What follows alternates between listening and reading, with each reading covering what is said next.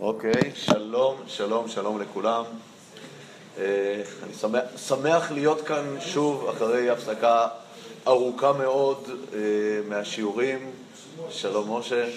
אה, היה לנו הפסקה מהשבוע האחרון של אדר ועד עכשיו, ואני מקווה שנוכל להמשיך עכשיו ברצף לפחות חודשיים, אבל אנחנו כמובן נראה. אה, אנחנו בעצם אה, עצרנו אה, לפני חודש ניסן, אחרי שסיימנו חצי בעצם מהספר שלנו, ספר שופטים, כאשר נקודת ההפסקה, נקודת ההפסקה הייתה ב... מיד אחרי סיפור גדעון ואבימלך, שהוא בעצם אותו סיפור. בעצם מה שנכון לנו כעת עד סוף הספר זה הדברים הבאים. יש לנו את הדמויות המשמעותיות הבאות, הן יהיו אה, יפתח ויהיו שמשון, בעצם זה שני, אה, שתי דמויות. יהיה את סוף הספר שיעסוק בשני סיפורים משמעותיים, שזה הסיפור של נדודי שבט דן ופסל אה, מיכה, והסיפור של פילגש בגבעה. הפרק עכשיו שאנחנו נלמד היום, שזה פרק י', הוא באמת אה, פרק שיש בו, הוא באמת סוג של פרק ביניים בין החלקים האלה של הספר, ואנחנו נראה את המשמעויות ואת המעברים שיש בין החלק הראשון לחלק השני.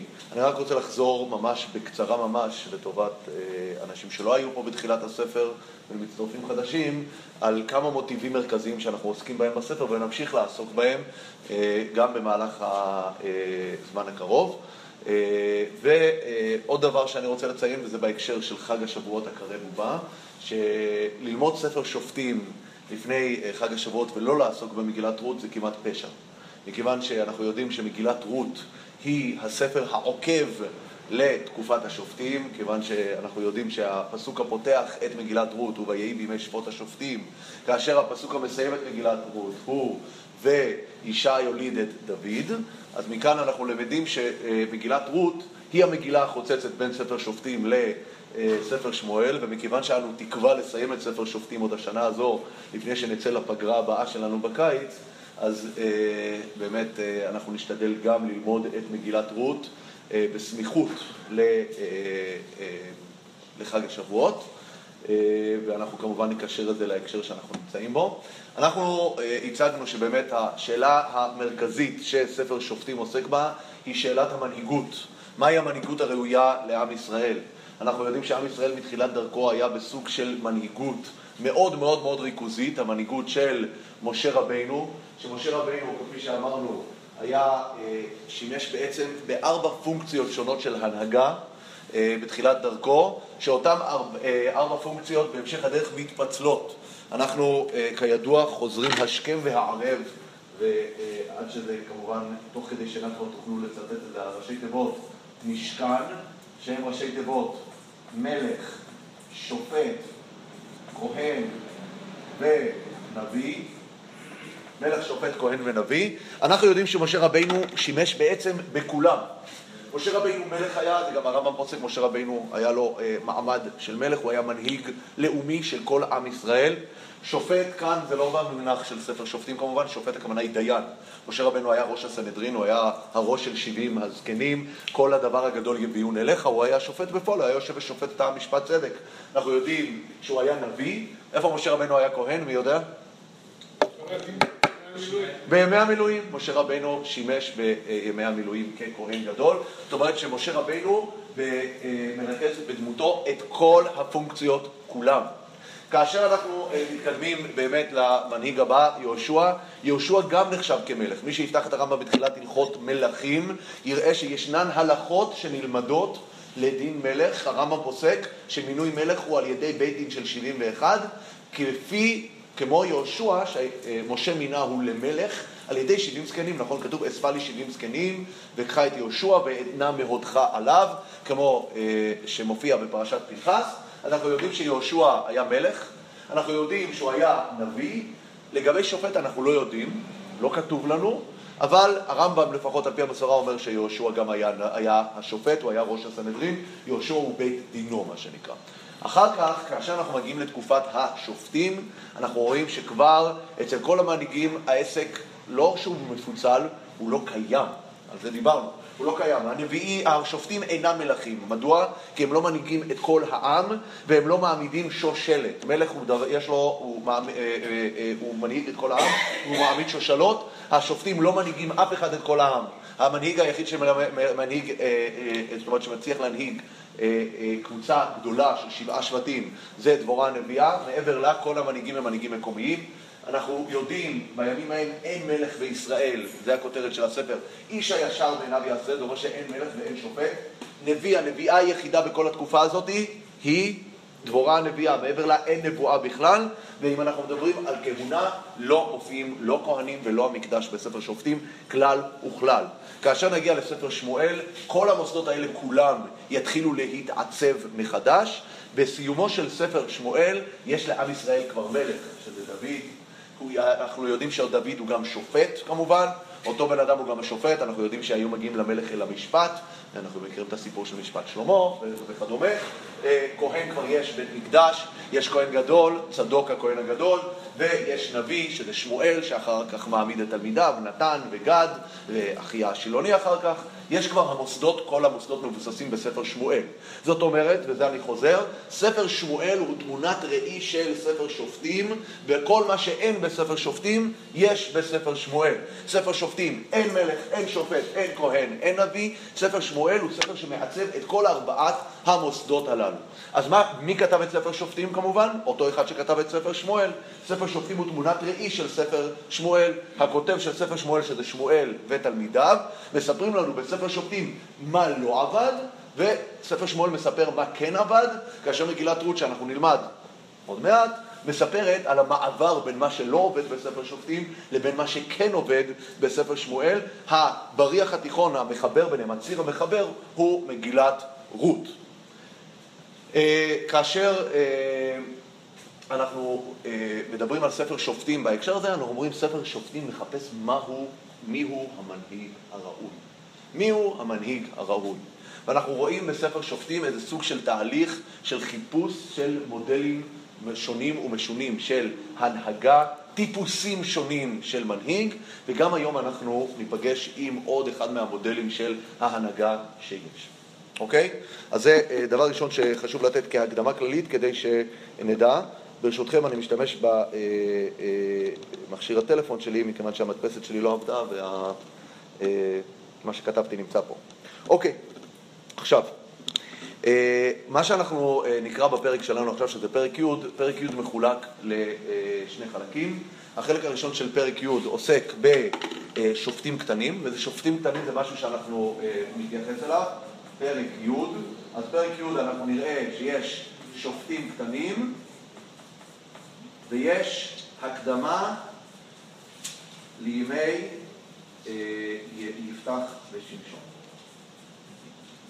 ככה הפרק ממש מחולק לשני חלקים, א' וב', שני חלקים. שופטים הקטנים שאנחנו נקרא מיד אנחנו נראה אותם. בואו נפתח בפרק י'. סליחה, פרק י"א, לא, פרק י', טעות, פרק י'. פרק י', ויקום אחרי אבימלך להושיע את ישראל תולה בן פועה בן דודו, איש יששכר, והוא יושב בשמיר בהר אפרים. אנחנו סיימנו בעצם, ואנחנו מתחילים כאן אה, פרק חדש אחרי באמת אה, אה, אירועים מאוד מאוד משמעותיים ודרמטיים בהקשר של גדעון ואבימלך. אנחנו צריכים להזכיר לעצמנו בקול רם שהסיפור של גדעון ואבימלך, אצל גדעון יש כאן אה, בחור שהקדוש ברוך הוא נגלה אליו ואומר לו לך בכוחך זה והושעת את ישראל, הוא מצליח להושיע את ישראל בצורה מדהימה, גדעון הוא, ואין ספק, הוא המנהיג הצבאי אה, הכי אה, גדול בתקופת השופטים. כאשר גדעון הוא מנהיג מאוד מאוד מוצלח, הוא מצליח לנצח את בני מדיין ובני קדם שהיו נופלים בעמק יזרעאל כחול אשר על שפת הים על ידי תחבולה צבאית אה, מדהימה. כאשר גדעון בתור מנהיג צבאי, אדם ענב מאוד, אנוכי הדל על פי, על פי באלפי מנשה, הצעיר באלפי מנשה, אה, הוא, הוא באמת איש ענב וראוי אה, באיזשהו מקום למלוכה. בסוף ימיו של גדעון מוצעת לו האופציה של מלוכה. עם ישראל ניגש אליו ואומר לו, אומר לו, משול בנו גם אתה, גם בנך, גם בן בנך. וגדעון אומר, לא אמשול בכם, השם ימשול בכם. אנחנו ראינו שהדבר הזה, יש עליו ביקורת, זה גורם לשבר גדול. התוצאה שקורית אחריו זה אבימלך. אבימלך זה הבן של גדעון, שאנחנו די מחמיאים לו כשאנחנו סופרים אותו כשופט, כי הוא לא שופט. הוא לא באמת שופט במונח של שופטים, כי הוא היה אדם שלילי מתחילתו ועד סופו, אדם שניצל את קשריו המשפחתיים ואת הפוליטיקה שלו, והשתלט על המלוכה, הרג את אחיו, וסיים את חייו בצורה טרגית כאשר הוא נופל ומת על ידי אישה מטבת שמשליכה עליו את פלח הרכב ומוחצת אה, אותו. אה, זה הסיום של ימי גדעון, סיום מאוד מאוד צורם. ועכשיו אנחנו מתחילים ופונים לתקופה הבאה, ולכן זה הפסוק הראשון. ויקום אחרי אבימלך להושיע את ישראל, תולה בן פועה. אגב, מהשופטים הקטנים אה, שאנחנו נלמד, יש אה, חמישה שופטים קטנים, למעשה יש יותר מחמישה, יש שישה. אם אנחנו נזכר טוב, היה איזשהו שופט בין אהוד בן גרה לבין דבורה, שופט שנזכר בפסוק אחד, הוא אפשר להגיד השופט הכי קטן, ממש כתוב עליו חצי פסוק. כתוב, אחריו שפט את ישראל שמגר בן ענת, הוא היכה 600 איש במלמד אה, הבקר, ויושע משהו, ויושע גם הוא את ישראל, אני מצטט בעל פה. אז אה, היה לנו כבר שופט קטן אחד שנכתב עליו איזשהו פסוק ודיברנו עליו והזכרנו את המשמעות שלו. אנחנו ניתקל בפרק שלנו בעוד שני שופטים, ובפרק י"ב יהיו עוד שלושה שופטים. עכשיו, על רוב השופטים הקטנים לא כתוב שהם הושיעו את ישראל. אנחנו יכולים לראות, אם נסתכל פה בכותרת, ויקם, אה, אה, כאן כתוב, ויקום אחרי אבימלך להושיע את ישראל תולה בנבואה. אם נדלק פסוק מהר רק כדי לזכור את הדבר הזה, כתוב ויקום אחריו יאיר הגלעדי וישפוט את ישראל, לא כתוב שהוא הושיע את ישראל, הוא שפט את ישראל. אם נדפדף לפרק י"ב, אנחנו נראה בפרק י"ב בפסוק ח', כתוב וישפוט אחריו את ישראל יבצן מבית לחם. פסוק אה, י' כתוב אחר כך וישפוט אחריו את ישראל אילון הזבולוני. אחר כך וישפוט את ישראל, אחריו את ישראל עבדון בן הלל הפרעתוני. על אף אחד מהשופטים הקטנים לא כתוב שהם הושיעו את ישראל, על תולה בן פועה כן כתוב שהוא הושיע. הושיע זאת אומרת שהוא לא רק היה שופט שהוא הנהיג, אלא גם הייתה לו סוג של ישועה. ישועה בדרך כלל בהקשר של שופטים, הכוונה היא מלחמה. בדרך כלל מלחמה, יש מלחמה והוא הושיע את ישראל. רק שאצלנו לא מצוינת מה המלחמה בכלל. לא כתוב מה המלחמה. האמת היא שכשאנחנו נקרא את הפרק שלנו עד סופו, אנחנו נגלה שיש המון מלחמות ושופטים שלא נכתבו. שלא נכתבו. אנחנו נראה בהמשך הפרק שתהיה רשימה של כל מיני עמים שלא שמענו עליהם, שגם הם נלחמו ולחצו את ישראל והשם הושיע מידם, אבל הם לא אה, מופיעים. אגב, גם מחוץ לספר שופטים יש לנו הפתעות. בספר שמואל מופיע שופט ששפט את ישראל, שלא שמענו עליו אף פעם, שקוראים לו בדן. בתחילת ספר שמואל, כאשר הקדוש ברוך הוא נגלה לשמואל ומספר לו על מה שקרה בתקופת השופטים, שהוא הושיע את עם ישראל, אז הוא אומר שהקדוש ברוך הוא אומר, אני שלחתי לכם את, אה, את יפתח, את, את, את, את ירובל ואת בדן. לא יודעים מי זה בדן. חז"ל דורשים שבדן זה שמשון ששפט את ישראל בדן, במקום שקוראים לו בדן. אבל זה דרש. על פי פשט בדן, הכוונה היא, היה עוד אחד, לא כולם אה, זכו להיכנס לתוך הספר. אנחנו יודעים תמיד שכשמגיעים לשורת הקרדיטים תמיד שוכחים מישהו. כאן כמובן זה לא שכחה, כי אין שכחה לפני כיסא כבודיך, אבל אה, כנראה שזה לא היה משמעותי מספיק. אז גם כאן אנחנו יכולים לדעת שיש כאן ישועה שאנחנו לא יודעים ממה. אני חושב, יש לי כאן עוד תיאוריה, לא ראיתי אותה כתובה, לגבי מהי הישועה של תולה בן פועה הזה. שהוא היה שופט משבט אה, יששכר, שתולה בן פועה הושיע את ישראל בעצם זה שהוא הנהיג אותם. כי הרי הוא מגיע אחרי מי? הוא מגיע אחרי אבימלך. אבימלך זה ההנהגה הכי גרועה שהייתה. אז יכול להיות שהוא הושיע את ישראל, לא הכוונה שהוא הושיע אותם מיד איזשהו אויב חיצוני, אלא עצם זה שהיה כאן מנהיג נורמלי, מיושב ויציב, ואנחנו רואים שהוא יציב, אנחנו רואים הוא שפט, אה, הוא שפט את ישראל, בואו בוא נסיים את הסיפור עליו, ותולה בן פועה בן דודו איש יששכר, והוא יושב בשמיר בהר אפרים, וישפוט את ישראל 23 שנה, וימות ויקבר בשמיר. וימות ויקבר בשמיר, אנחנו לא יודעים עליו הרבה. אז יכול להיות שהישועה שלו זה עצם ההנהגה הבסיסית שלו. יש כאן עוד נקודה מעניינת. אה, מה זה בן דודו? מה פירוש בן דודו? מה, מה, מה נראה לכם? מה פירוש בן דודו? אתה אומר משפוחה. משפוחה של מי? של אבימלך. אתה קורא את הפסוק ככה. ויקום אחרי אבימלך להושיע את ישראל, תולה בן פועה, בן דודו איש יששכר. זאת אומרת, הוא בן דוד של אבימלך. זאת אומרת שיש כאן איזשהו קשר משפחתי מעניין שלא ידענו עליו.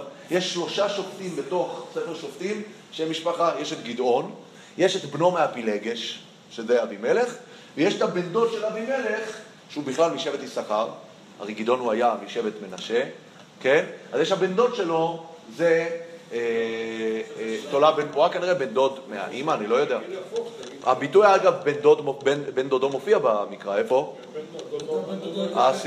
ודאי, הפסוק האהוב על היקים. אהו דודו, אהו בן דודו, נכון? זה הפסוק הידוע.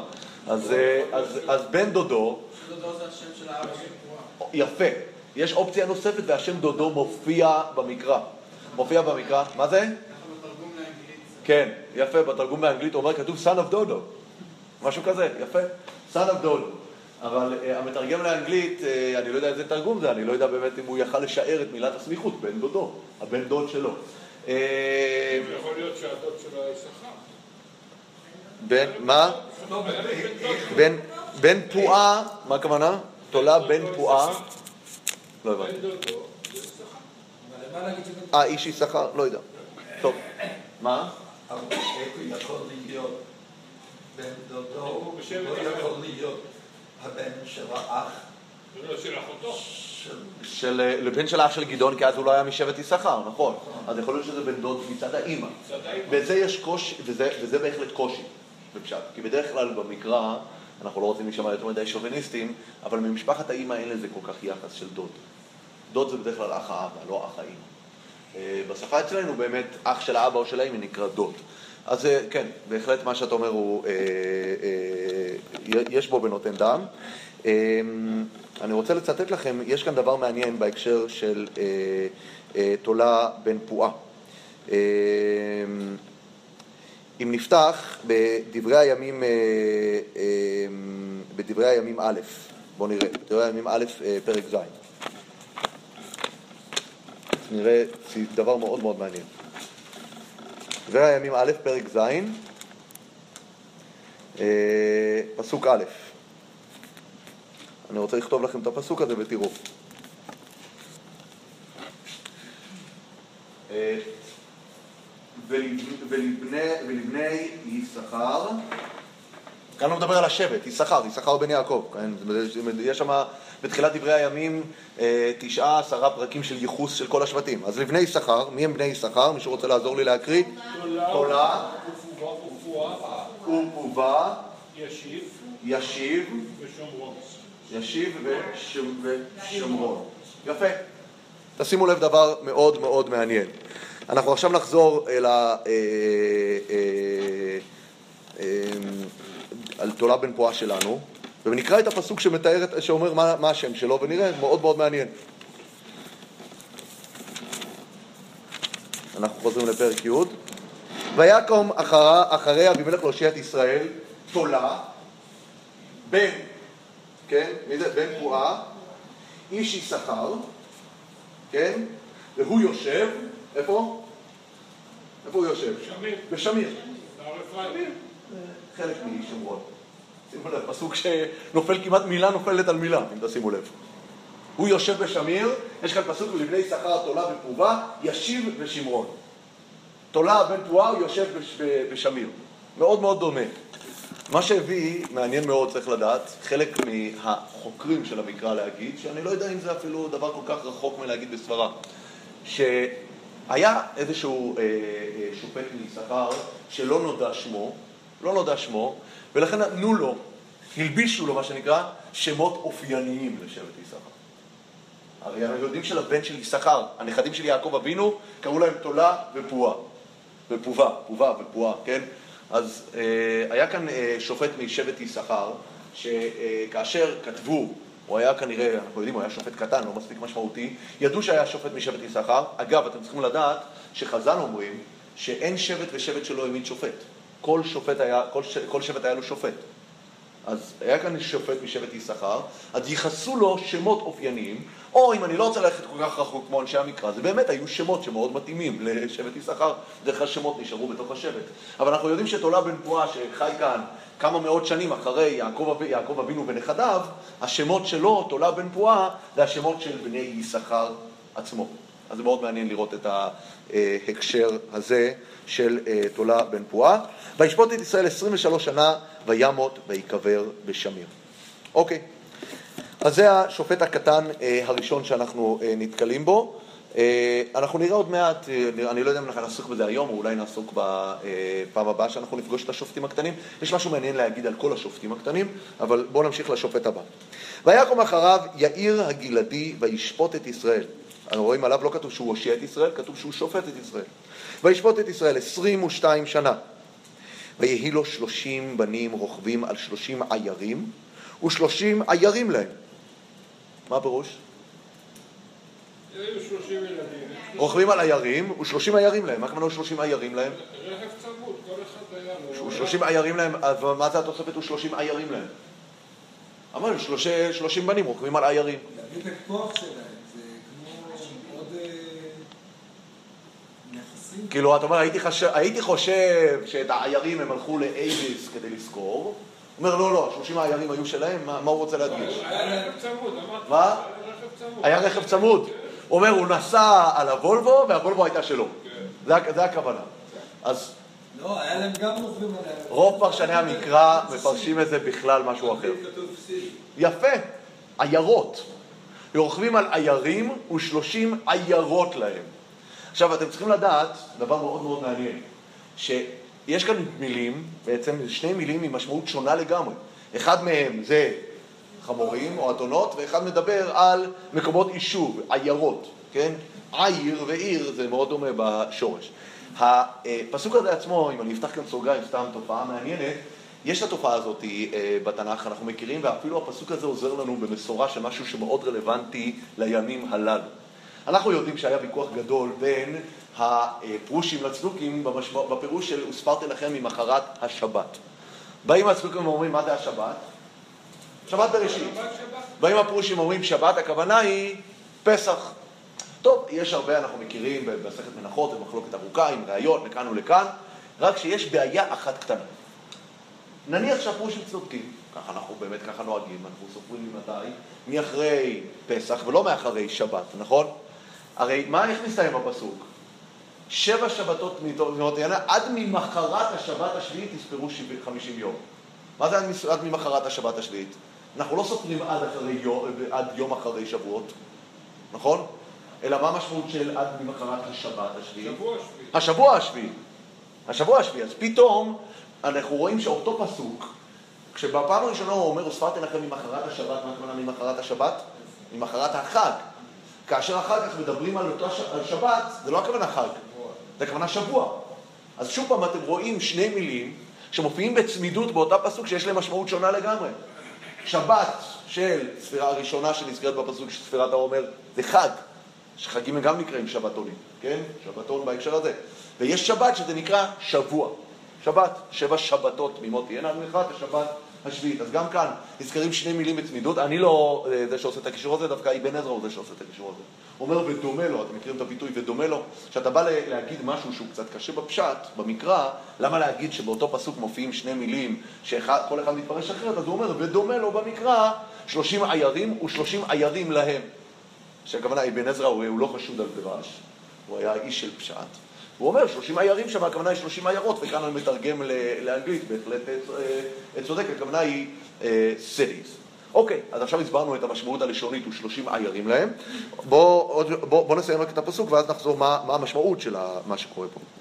להם יקראו חוות יאיר עד היום הזה, אשר בארץ הגלעד. וימות יאיר ויקבר בקמון. אז מה אנחנו יודעים על יאיר הגלעדי? מה אנחנו יודעים עליו? אנחנו יודעים שיש לו שלושים בנים, כן?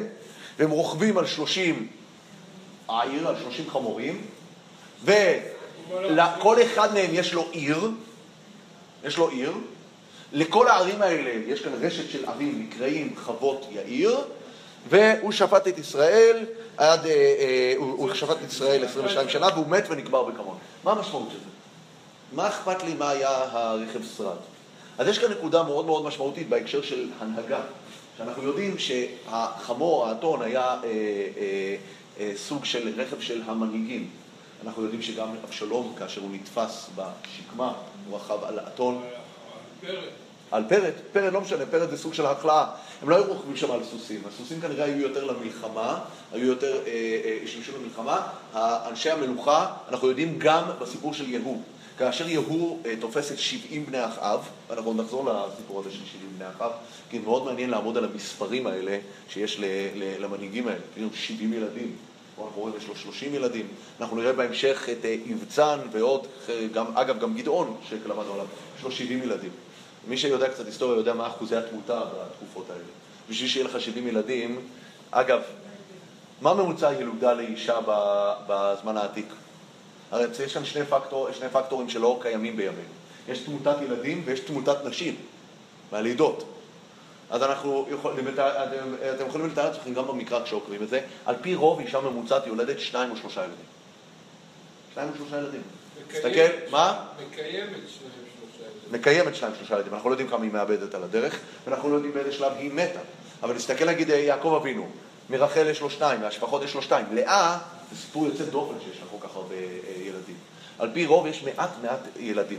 אז אם יש כאן למישהו 30 ילדים, או אם נדבר על גדעון שיש לו 70 ילדים, תחשבו כמה נשים יש לו. כמה נשים יש לו. הוא היה שופט. הוא היה שופט, כן, אבל הוא היה צריך אה, להחזיק הרמון של, אה, של אה, נשים. אז אם היה, לו, אם היה לגדעון 70 ילדים, אתם יכולים לתאר לעצמכם שהיה לו סדר גודל של 20-30 נשים. 20-30 נשים, כן.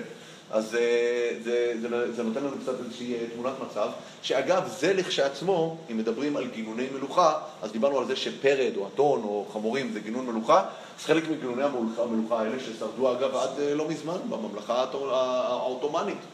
סולטן, חלק מהיכולת שלו להראות את מלכותו זה ארמון אנשים שהוא מחזיק. אז זה היה סמל אה, סטטוס, אה, אם היה לך גם את היכולת, אז היית מחזיק באמת הרבה נשים, אז יש לך הרבה אה, ילדים, יש לך הרבה ילדים, אבל יותר מזה, יש כאן איזשהו משהו, גם בגדעון וגם ביאיר, ואנחנו נראה את זה, אגב, בואו אה, אה, נדלג שנייה לפרק י"ב, אנחנו נראה שמופיע, אה, אותו אה, אה, משפט מופיע פעמיים. בואו נראה בפרק י"ב פסוק ח'.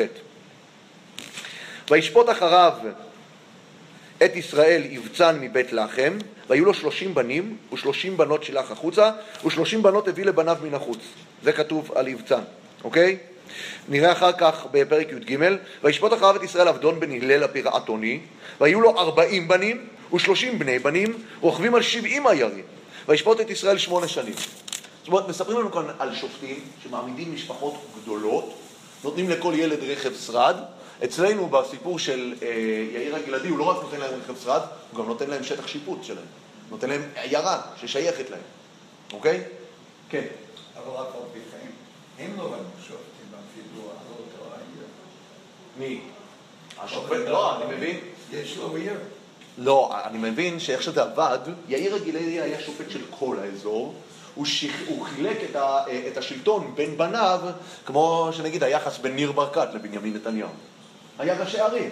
אבל הוא ביזר את הסמכות. הוא ביזר, כן, בהחלט, הוא ביזר את הסמכות, אבל זה ביזר? זה לא בדיוק ביזר, כי כל השופטים, כל, ה, כל מי ששלט על הערים היו הילדים שלו. אז כאן אנחנו רואים דבר מעניין אגב, שלא דיברנו עליו אף פעם, על דגם של שלטון משפחתי. אנחנו מכירים שלטון משפחתי בהקשר של מלכות. מה זה שלטון בהקשר של מלכות? יש מנהיג אחד להכל, הדגם, השלטון המשפחתי הוא שאתה מעביר לילד אחד נבחר את כל השלטון, אבל ילד אחד הוא המלך והוא שולט על הכל. כאן אנחנו רואים דגם, שזה גם כנראה, אגב, היה סיפור אצל גדעון. גדעון הרי לא רצה שהבן שלו ישלוט בעם ישראל, אבל מצד שני אנחנו רואים שיש לו 70 בנים. יש לו 70 בנים, שאנחנו רואים שאבימלך, כאשר הוא בא לבעלי שכם והוא אומר להם, למה כדאי להם להשמיד את בני גדעון, אז מה הוא אומר? הטוב, לכם משול, הטוב משול בכם 70 בני גדעון, או רק אחד? זאת אומרת שהדגם של ההנהגה שיש בתקופה הזאת, של גדעון, ואחר כך של יאיר, ויש איזה ממשיך אחר כך אצל יבצן ואצל עבדון בן הלל הפירטוני, זה שופט, לוקח, כמובן דואג לילדה רבה במשק ביתו ובמשפחתו, וממנה את ילדיו ל...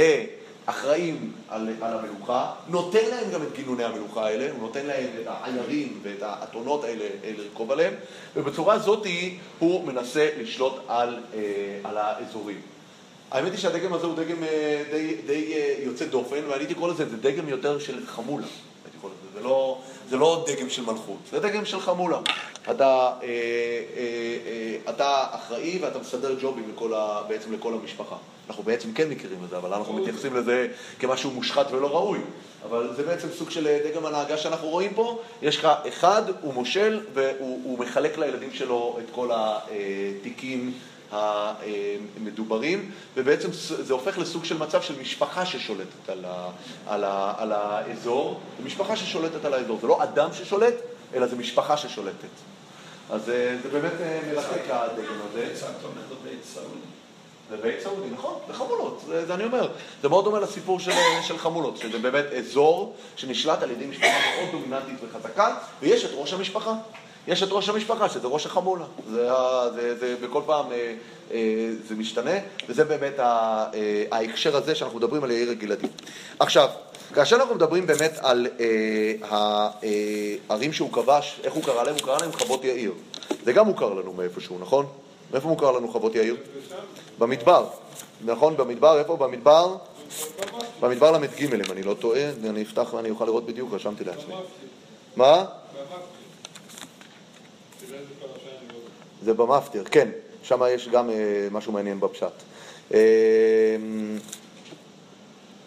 הנה אנחנו יכולים לראות במדבר ל"ב, לא ל"ג, במדבר ל"ב, נפתח ונראה בפנים, זה מעניין. שם יש אחרי בני גד ובני ראובן, הרי זה מדובר על אותו אזור, כן, יאיר הגלעדי הוא מאזור אה, גלעד, אז בואו נראה. פרק ל"ב, פסוק מ' ויתן משה את הגלעד למכיר בן מנשה וישב בה. ויאיר בן מנשה הלך, וילכוד את חבותיהם, ויקרא את הן חבות יאיר. חבות יאיר, כן? נכון. ונובה, לא, זה לא כתוב. לא, זה כתוב אצלנו. אצלנו כתוב עד היום הזה. ונובח הלך וילכוד את קנת ואת בנותיה ויקרא לה נובח בשמו. טוב, לא, לא משנה עכשיו, אני, אני אוותר על ההערה שרציתי להביא פה. אז אומרים יאיר בן מנשה הלך וילכוד את חבותיהם ויקרא את הן חבות יאיר. מי זה יאיר בן מנשה? אני לא יודע אם מדובר שם על יאיר הבן של מנשה, מדובר כאן קצת על פער גדול של שנים, מנשה הוא הבן של יוסף. יאיר משבט מנשה, אבל כאן זה בתקופה של משה רבנו. אנחנו כאן נמצאים כבר עמוק, אנחנו נמצאים כאן בתקופה של, באזור ה... אה, קרוב ל-300 שנה אחרי כן. קרוב ל-300 שנה אחרי כן, יש מישהו משבט יאיר, שהוא נקרא גם יאיר הגלעדי, הוא מאזור גלעד, הוא הולך וכובש ערים וקורא להם חוות יאיר, הוא משתמש בדיוק במורשת של אה, אחד מהסבות שלו. אז שוב פעם, זה מאוד מעניין, אם נחזור להערה שאמרנו לגבי אה, תולה בן פועה, אנחנו רואים כאן שני שופטים ברציפות, ששתיהם מאמצים לעצמם מוטיבים מהעבר תולה בן פועה, אנחנו יודעים שיש לו את השמות של הבנים של יששכר, יששכר בן יעקב, כן? תולה בן פועה. אנחנו רואים אצל יאיר, יאיר הגלעדי שהוא גם מאמץ את אותם מוטיבים שיש, יש לו גם את השם, והוא גם קורא לערים חוות יאיר, בדיוק כמו שאחד מאבות אבותיו קרא לערים באותו אזור בדיוק שהוא כבש, חוות יאיר. אז אגב, זה גם איזושהי צורה אה, לעשות מנוחה. אנחנו יודעים שהיום, כאשר אה, רבה חסידי רוצה עכשיו להפוך לרבה, הוא צריך למצוא את השם שהוא ידביק לעצמו, נכון? הוא לא יכול לקרוא לעצמו הרבה מראש מרחוב וושינגטון. אה, זה לא עובד. יש את הרבה מפיטסבורג, אנחנו מכירים. זה בוסטון הרבה, נכון. אבל אה, זה, אני אומר, בדרך כלל אם אתה רואה מישהו שקורא לעצמו הרבה מבוסטון או הרבה מפיטסבורג, לצורך העניין, אני לא מכיר אותם, אבל מבחינתי זה סימן שהיה לו מה להיות בפני עצמו. הוא הרבה מפיטסבורג. נכון? אז עכשיו אם יש חסידות פיטסבורג, אלה שממשיכים אחריו, הם מתייחסים אחריו, אבל הוא זה שנעשה רבי בזכות עצמו, והעיר שהוא נמצא בה היא העיר שלו. הוא הרבי בפיטסבורג, כן? אז אה, לצורך העניין, באותה, באותה מידה, אה, אה, אז כשאתה מדבר על רבי אחר, אין לו מספיק כל כך במה להתהדר, או יש לו במה להתהדר, אבל הוא רוצה להתעלות באילנות אפילו עוד יותר גבוהים, אז הוא, הוא, הוא, הוא תולה באילן גדול. היום, היום אנחנו יודעים שיש הרבה במה להתעלות. אפילו אני הקטן, לו רציתי, הייתי יכול למצוא איזשהו שם זה. אני, יש לי סבתא רבא שלי מבית ורסקי, אז יש לי את היכולת ל... ל, ל, ל מה? הטברסקי תמיד, יש איזשהו... כן, רחמסטריבסקי, סקוור, זה. אפשר למצוא את השילוב. אם מוצאים את השילוב ושמים את הפרווה הנכונה על הראש, זה עובד. אז, אז אני אומר, זה, זה, זה הכל שאלה. אני צוחק, צריך להיות, אני, אני מקווה שרוב רובם באמת שתפסו את השמות, הם באמת יש להם גם את התוכן הפנימי, אבל בואו לא ניכנס לנושא הזה. אז אני אומר גם פה, אה, כאשר אנחנו מדברים על האנשים האלה שרוצים אה, באמת להתבסס בהנהגה, הם לוקחים שמות, שמות גדולים, תולה בן פועה זה בני יששכר, יאיר הגלעדי קוראים לו יאיר, הוא עושה את חוות יאיר, הוא... אתה נתלה באילנות גבוהים, זה איזשהו משהו שיש לו משמעות בביסוס של ההנהגה שלך. טוב, בואו נמשיך לחלק השני של הפרק שלנו. שופטים פרק אה, י', פסוק, אה, פסוק ו'. פסוק ו'. עכשיו כאן הולך להיות אה, איזושהי תוכחה נוספת. עכשיו, אנחנו יודעים שבספר שופטים, אנחנו דיברנו על זה גם בתחילה, בפרשת הבוכים, ספר שופטים יש בו שלושה אה, מקרים, שלוש אפיזודות שבהם פתאום יש תוכחה. תוכחה. ואנחנו ציינו והסברנו שהתוכחות האלה מציינות, מציינות מעבר משלב אחד לשלב אחר, אוקיי? דיברנו על התוכחה בבוכים, אנחנו השווינו את התוכחה בבוכים לתוכחה שיש לפני גדעון. אנחנו יודעים שזה מחולק ככה, יש את התוכחה בבוכים, אחר כך, אחרי בוכים יש את עתניאל בן כנז, יש את אהוד בן גרה ויש את דבורה. מיד אחרי שלושתם יש תוכחה נוספת. לפני מדיין, עם ישראל זועקים, השם שולח להם נביא, הוא מוכיח אותם, ואז השם שולח את גדעון. אחרי גדעון אבי, ואבימלך, תולה ותולה בן פועה ויאיר הגלעדי, עכשיו יש את התוכחה האחרונה שלנו לספר שופטים, שהיא הולכת לפתוח פרק חדש בתוך תקופת השופטים. בואו נקרא את התוכחה הזאת ואנחנו נראה איך זה משתלב ואיך זה באמת אה, מצייר לנו את המפה, מה הולך להיות עכשיו אחרינו, מהו השבר שעם ישראל חווים בתקופה הזאת, וזה בעצם הפסוקים האלה, זה הקדמה לחלק השלישי והאחרון של ספר שופטים. ויוסיפו בני ישראל לעשות הרע בעיני השם. ויעבדו את הבעלים, ואת העשתרות, ואת אלוהי ארם, ואת אלוהי צידון, ואת אלוהי מואב, ואת אלוהי בני עמון, ואת אלוהי פלישתים, ויעזבו את השם ולא עבדו. מה פירוש המילה ולא עבדו? פשט. בוא, אני, אני אקרא את זה שוב פעם, אני ברור לי שלפי המנגינה תתחילו, תצליחו להבין את, הפש, את הפסוק הזה. ויוסיפו בני ישראל לעשות הרע בעיני השם, ויעבדו את הבעלים, ואת העשתרות, ואת אלוהי ארם, ואת אלוהי צידון, ואת אלוהי מואב, ואת אלוהי בני עמון, ואת אלוהי פלישתים, ויעזבו את השם ולא עבדו. לא היה שיט. לא היה שותפות. לא. לא, קודם כל לא היה שותפות, ויותר מזה, זה נכון. הם עובדים את כולם, כמה הם עובדים פה? שבע עבודה זרות הם עובדים. אז כאילו השם אומר להם, כאילו, חבר'ה, עבדתם כאן כל דבר, תנסו אותי. אני לא מבקש לכם, תנסו, אולי, אולי זה עובד. ועזבו את השם, ודווקא את השם לא עובדים. תראו כמה הם כן עבדו. הם עבדו לשבע עבודות זרות. מה אכפת לכם לקחת את השם בחשבון? עוד אחד, כן. מספר שמונה. לא. את השם לא. את כולם כן ואת השם לא. זה הכוונה ויעזבו את השם ולא עבדו. זה גם כן. מי כמוך באלים השם. נכון, מי כמוך באלים השם. נכון, אבל כאן אני חושב שזה גם בהקשר כאילו, אני, אני עכשיו אדבר בשם השם. מה הוא מתכוון להגיד פה? הוא מתכוון להגיד כאילו, אתם רוצים, אל, אתם לא חייבים לאמן אותי, תנסו. תנסו. פשוט תנסו, קחו את זה, כמו שעושים עם רכב, לנסיעת מבחן. הם לא מוכנים לקחת את השם אפילו לנסיעת מבחן. כלום, הוא לא אופציה, אוקיי? ויחר אף השם בישראל, וימכרם ביד פלישתים, וביד בני עמון, אוקיי? פלישתים ועמון, אגב, הם שני העמים הבאים שאנחנו הולכים להתעסק איתם. הם העמים המרכזיים שאנחנו נפגוש לא רק בספר שופטים, אלא גם בספר שמואל. בספר שמואל המלחמות הגדולות הן מול פלישתים ומול עמון. אם אתם מכירים את הסיפור של אנשי יבש גלעד, שמלך עמון, שכח, ברח לי השם שלו, השם שלו, שהוא אומר להם שהוא דורש מהם לנקר את עין ימין למענו. אני, סליחה, סליחה שאני פשוט אה, בודק את השם שלו כי זה מאוד מציק לי. אה, נחש העמוני. נחש העמוני אומר להם, בנקור לכם אה, עין, עין ימין. ימין? עין שמאל טוב, אני לא, אני אניח לנושא. אה, אז הוא אומר, אז, אז אנחנו יודעים שזה שני העמים הגדולים, אבל בואו נראה שיש כאן עוד עמים.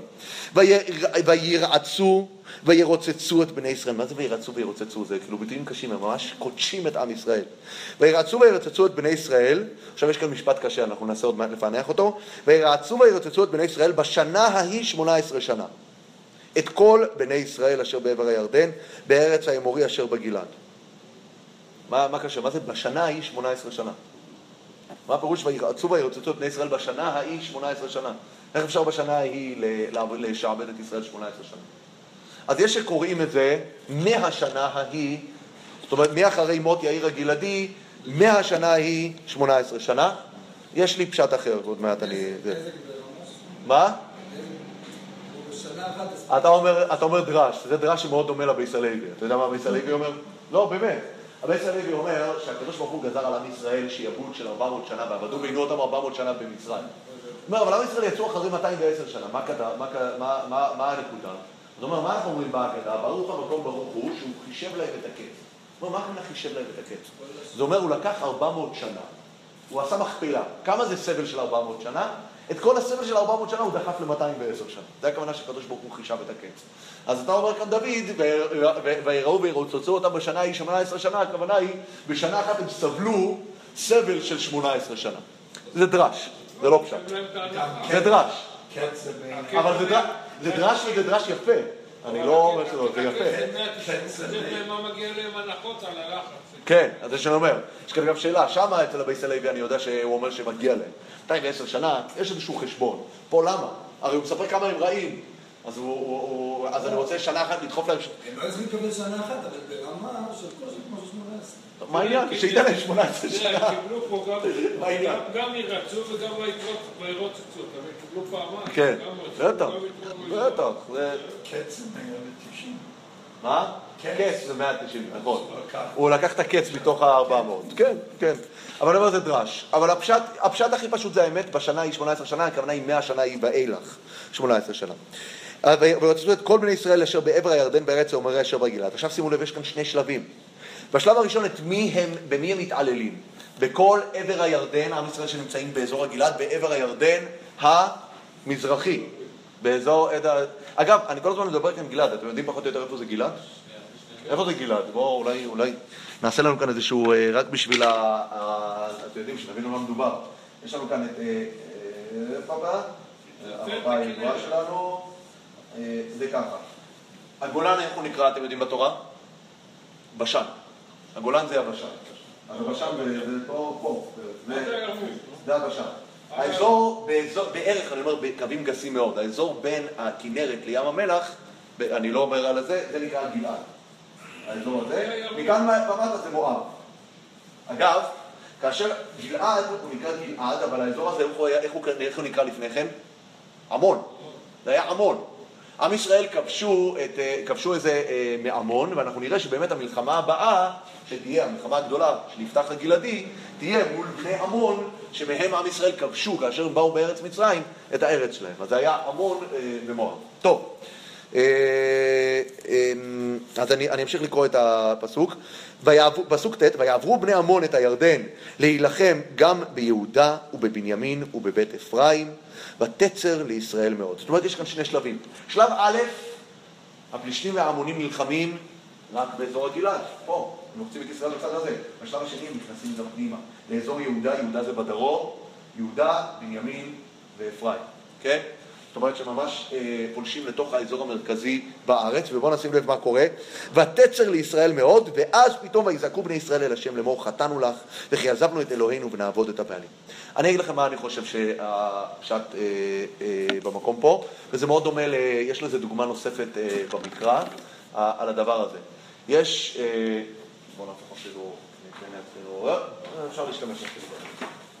יש, מי כהשם אלוקינו?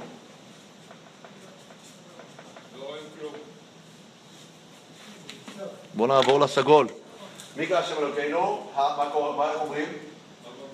המגביהי לשבת, לשבת, המשפיל לראות. המשפילי לראות בשמיים ובארץ, נכון? מי כהשם אלוקינו המגביהי לשבת המשפילי לראות בשמיים ובארץ. איך קוראים את המשפט הזה?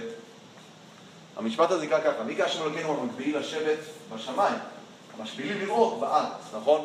אבל זה נכתב כצוות. מי כהשם אלוקינו המגביהי לשבת המשפילי לראות, כן?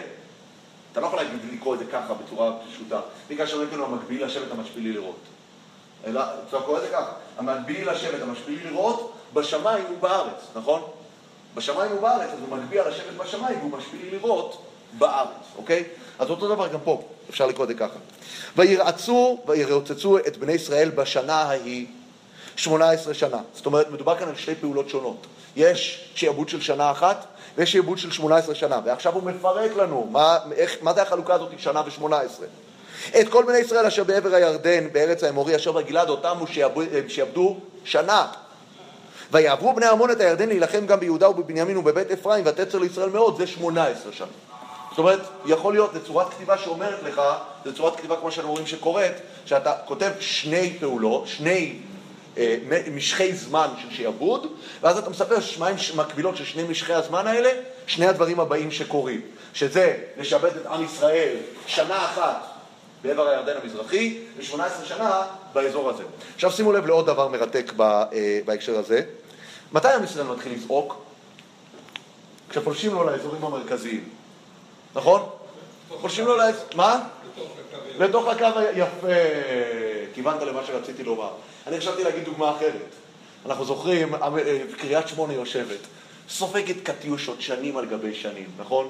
מדי פעם כאשר הייתה הסלמה, אתם זוכרים את זה אפילו יותר טוב ממני, מדי פעם איזה שר בממשלה עולה לאזור קריית שמונה, ועולים, והחדשות מדברים, ואין מספיק מקלטים בקריית שמונה והכל, זאת בימים שלפני שהגענו לשקט שם בגזרה עם החיזבאללה ועם כל הגורמים שם. אבל מה קורה?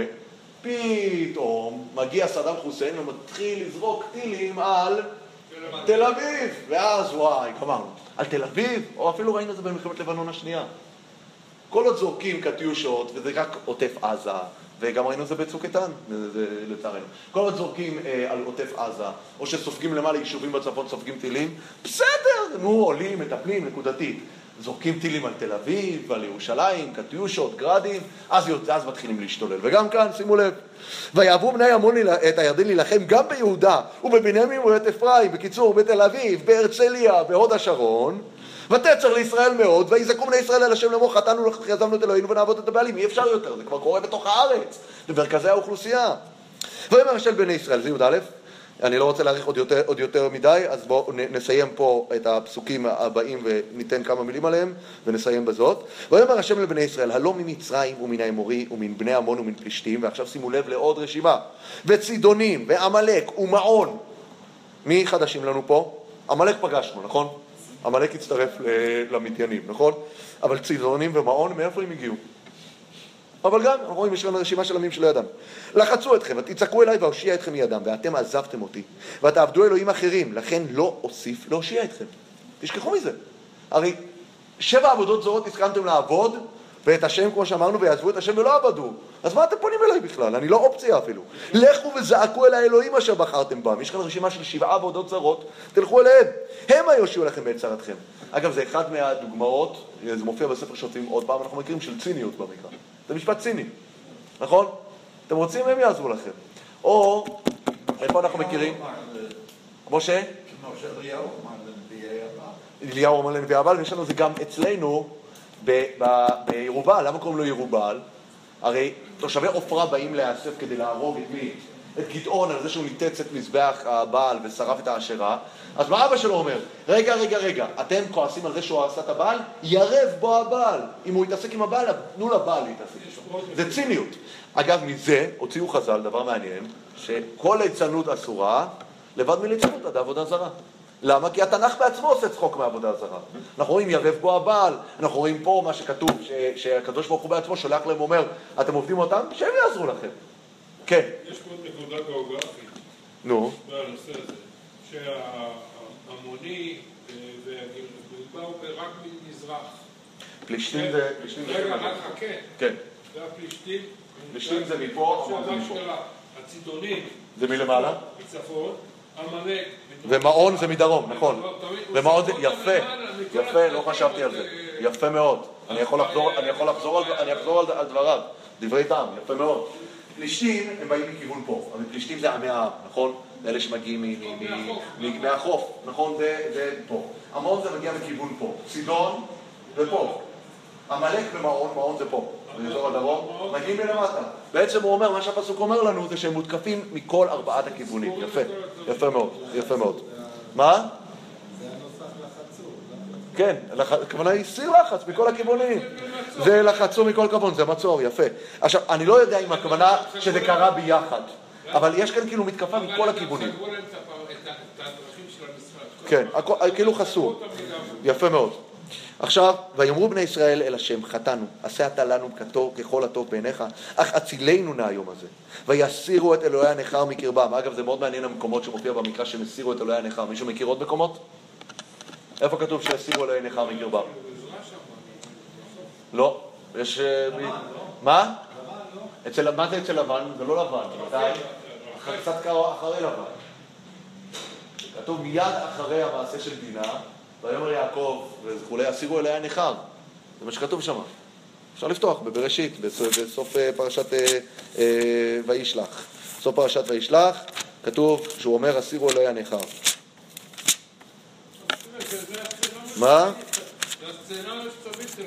יפה. כן, הנה ל"ה. נכון. ויאמר אלוהים אל יעקב, קום עלי בית אל ושב שם וכולי, ויאמר יעקב אל ביתו ולכל אשר עמו, הסירו אותו עלי הנכר. זה קורה אגב גם בתחילת ספר שמואל, שמואל הנביא מקבץ את כל העם למצפה ואומר להם, הסירו עלי הנכר. יש איזושהי פעולה שאתה מתנקה, אתה מתנקה, מסירים את אלוהי הנכר. ויסירו את אלוהי הנכר מקרבם ויעבדו את השם ותקצר נפשו בעמל ישראל. זה ביטוי מאוד יפה, זה ביטוי, ביטוי ייחודי. על מי מדובר כאן? על הקדוש ברוך הוא. בדרך כלל המקרא לא נותן לנו יותר מדי איזשהו מבט כביכול לנפש כביכול, זה לא, זה לא במושגים שלנו, נפש של הקדוש ברוך הוא. ותקצר נפשו בעמל ישראל. הוא לא יכול לראות שעם ישראל כל כך סובל. לא יכול לראות את זה. ותקצר נפשו בעמל ישראל. מה שאני רק רוצה להגיד, כדי אה, רק להגדיר את ה, אה, מה שקורה פה, מיד אחרי, אחרינו יתחיל כבר הסיפור של אה, יפתח, עם ישראל נאספים כדי להילחם עם עמון. שהשלושה שלבים שאנחנו ראינו, זה אה, באמת אה, מאפיין את התקופות. המהלך הראשון שעולה בבוכים ומדבר עם עם ישראל, ואנחנו דיברנו על זה, הוא מדבר על זה שעם ישראל עשו את החטאים שעליהם מדבר יהושע בסוף ספר יהושע. הם לא פינו את כל הגויים מהארץ, הם לא הורישו את הגויים, ולכן מה שקורה, יש כאן מצב שהם מתערים, אה, אה, מתערים ונדבקים בארץ, כמו שאנחנו יודעים גם בתחילת ספר שופטים, שיש שם את זה שהם לא הורישו את האנשים. אז זה הדבר הראשון. אצל גדעון אנחנו רואים שיש כבר מצב, שיש עבודה זרה, אבל יש עדיין עבודת השם. זה במקביל. יש, אה, יש דברים מקבילים. כאן אנחנו מגיעים למצב שהוא מאוד דומה למלכות אחאב, שעבודת השם נמחקת מהפרוטוקול לגמרי. נמחקת מהפרוטוקול לגמרי, זה שלב אחר לגמרי. והשלב הזה הוא שלב חדש, שהשלב הזה, כמו שאנחנו רואים, השם בעצם לא רוצה להושיע אותם בכלל. כל השלבים הקודמים, השם שולח להם מושיעים. אנחנו רואים בש, ב, ב, אה, אצל אה, עתניאל בן כנז, אצל אהוד, השם ממש שולח אותם. אצל דבורה אנחנו רואים שהיא נביאה והיא קמה בעצמה והולכת להושיע את ישראל. אנחנו רואים אצל גדעון, הוא לא רוצה להושיע, הוא לא מתאים להושיע, הוא לא, לא ענב, הוא לא רואה את עצמו כמישהו מתאים לזה, והקדוש ברוך הוא צריך לרומם אותו ולקחת אותו ולייצר אותו כמנהיג. פעם כאן אנחנו רואים כבר שאין מנהיג טבעי, הקדוש ברוך הוא צריך לייצר מנהיג טבעי. המנהיג שאחריו אבימלך, הקדוש ברוך הוא לא שלח אותו, הוא השתלט על הנבואה. כאן אנחנו נראה מעכשיו והלאה שהקדוש ברוך הוא אומר לא אוסיף להושיע אתכם, ותצר נפשו, וכתוב ותקצר נפשו בעמל ישראל, אנחנו הולכים לשלב חדש, שכאן יש כאן מנהיגים שלא הקדוש ברוך הוא שולח אותם, לא הקדוש ברוך הוא ממנה אותם. מי ממנה אותם? יפתח הגלעדי, העם ממנה אותו, וזה גם סוג של צורה שהקדוש ברוך הוא מנהיג בה את הטבע, כן? מסובב הסיבות דואג לזה שיקום כאן מנהיג, אבל הוא לא שולח אותו באופן ישיר כמו שהוא שולח את גדעון. ואצל שמעון אנחנו רואים שזה כביכול הגיע למצב שהקדוש ברוך הוא אומר, עזבו, נמאס לי ממנהיגים, אני לא מתעסק איתכם במנהיגים. אני אשלח לכם איזה רמבו שיפתור את הבעיות, יגיע ויכסח אנשים. זה אפילו לא מנהיג. שמשון זה בכלל לא מנהיג בדגם הקלאסי של השופט שאנחנו מכירים, זה מגיע מישהו שעושה, הולך ועושה את הפעולות. זה שלב חדש בעם ישראל שנכנס כאן במצב שבאמת כמעט אין, אין מה לעשות. זה, זה כאילו שיאה של שיאו של הדרדור, וזה באמת, הנבואה הזאת היא מציינת כביכול שהולך להיפתח כאן לפנינו פרק חדש בתוך תקופת השופטים. תודה.